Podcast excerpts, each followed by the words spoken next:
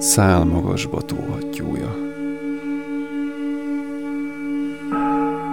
Versek, legendák, történetek.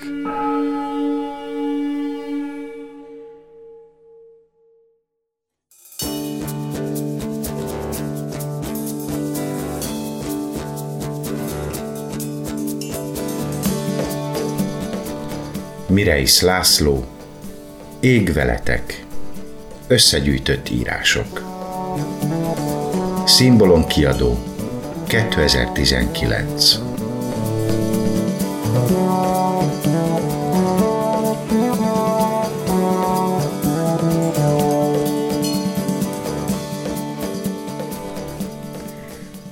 Magyar Szenthelyek Bálványosvár a fehérvárak, pogányvárak, magurák, áldozóhelyek, oltárkövek, források és csúcsok, a régi magyar vallás szent helyei mellett találjuk a bálványos várakat és helyeket, melyek közül a pogányság talán legutolsó bástyája, a Kárpát-medence legkeleti megyéjének legkeletibb járásában állt. Ez a bálványos fürdő felett álló bálványos vár, melynek legendája jó képet ad a régi magyar vallás feladásának folyamatáról. Számos bálványos nevű hely volt a Kárpát-medencében, de kétség kívül a háromszéki a legismertebb, melyről lexikálisan a következőt lehet tudni. Háromszék megye kézdi járásában a cukorsüveg alakú sziklaszál tetején épült hatalmas vár, amelyben az ősmagyarok utoljára áldoztak. Az ősvallásnak a kereszténységgel való végső küzdelmét írta le Jókai Mór Bálványos vár című gyönyörű regényében. Történetét Orbán Balázs mondja el a Székelyföld leírásában. Bálványos vár alapítója a hatalmas apor Opó Sándor. Midőn Szent István a pogányokat üldözi, ott menedéket találtak. Negyedik Béla alatt, midőn a mongolok betörtek, a székelyek itt hősileg ellenálltak. Itt székelt utóbb Apor László, Erdély hatalmas vajdája. Apor Miklós még 1603-ban is itt lakott, de özvegye Torjára költözött, és azóta a büszke vár romba dőlt.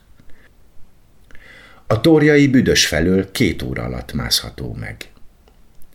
Egy másik bálványos vár áll Csík megyében, Tusnát közelében, régi váraink egyik legjelentékenyebbje kiterjedt romokkal. A bálványos vár, románul Cetátea Bálvanos, egy bálványos fürdő fölé emelkedő hegytető a Torjai hegység és a Bodoki hegység találkozásánál, Kovászna megye északi részén. Tetején várrom található, ahonnan tiszta időben látszik a lakóca, 1777 méter, és a pintilő 1772 méter magasan.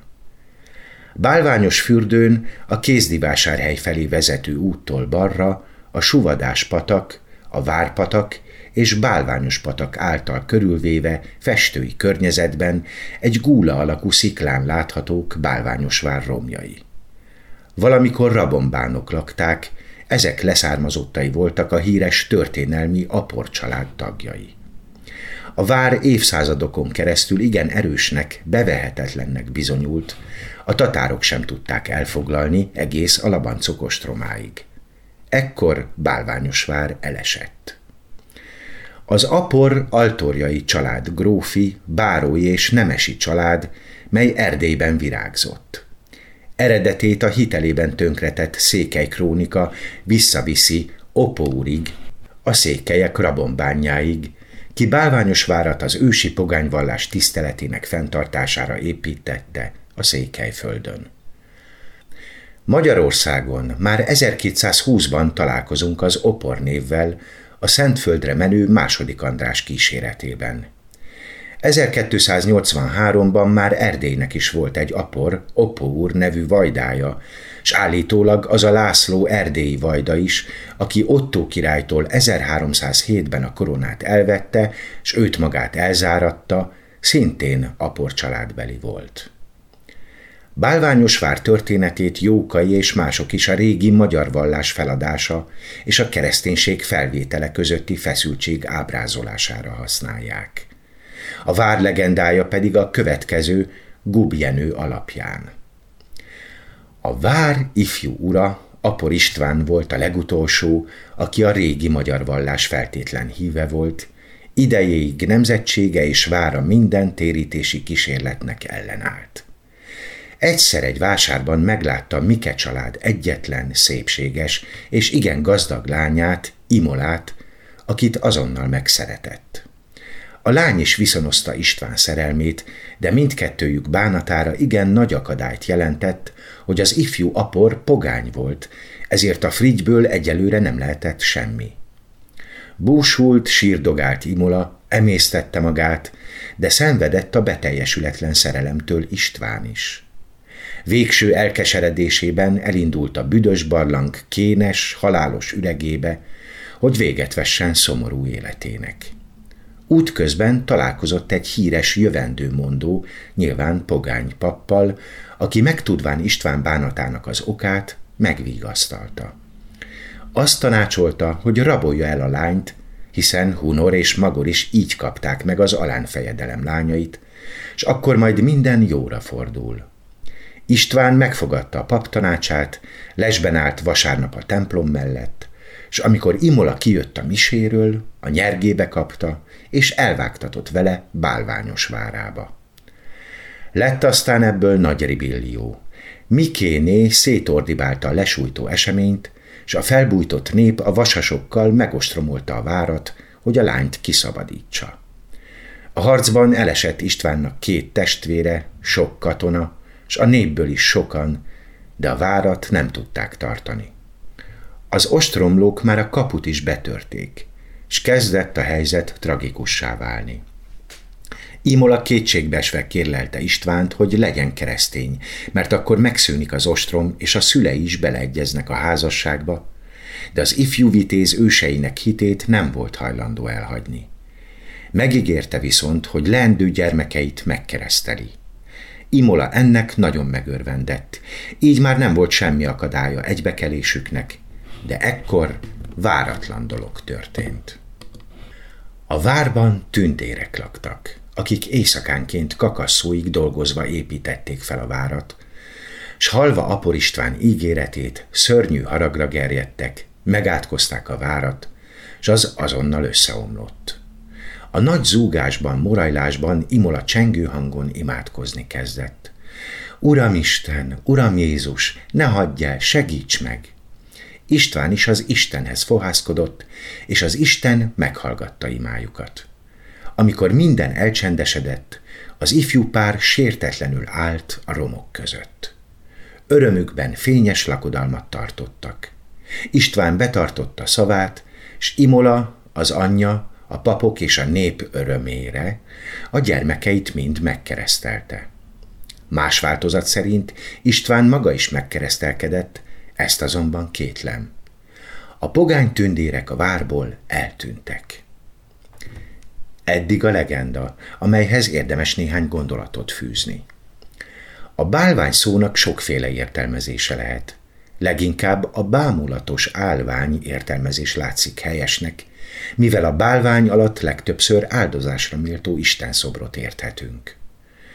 A korai keresztények Rómában a több istenhiten álló, vagyis pogány őslakosokat vádolták bálványimádással. A kereszténység előtti hun magyaroknak is voltak bálványai, amint arról malálasztól értesülünk. És Gród Gorgász vette a bálványokat, melyeket a hunok tiszteltek, és beolvasztotta azokat, minthogy ezüstből és elektronból voltak. Meg is ölték érte a magyarok. Azonban a bálványos vár esetében a bálványnak nem erről az értelmezéséről van szó. Az a motívum, hogy a tündérek éjszakánként építik fel a várat, jelzi, hogy a bálvány olyan jelenség, amely szellem teremtette, illuzórikus, tűnékeny, vagyis csodálatos, varázslatos értelmében is használhatjuk. Ezt támasztja alá az is, hogy amikor Apor István áttér a pogányvallásról, akkor a vár összeomlik.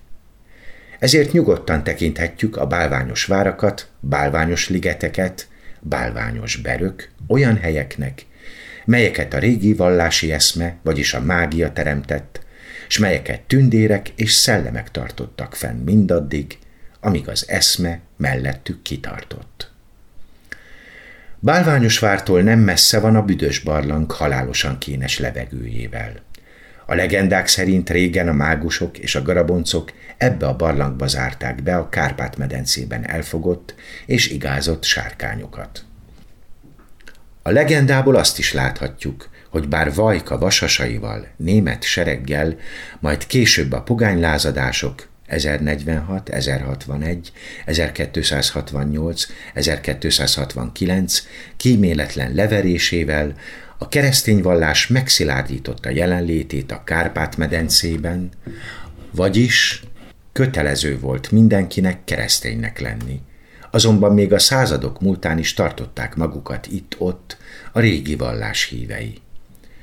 Mindezért tehát a bálványos helyek szent helyei a régi vallásnak, ahová, ha az eszme visszatér, akkor talán visszatérnek a tündérek és a szellemek is. Apor István nevét pedig jól őrizzük meg az emlékezetünkben, mert ő volt az utolsó ismert pogány, aki őseinek hitét nem volt hajlandó elhagyni.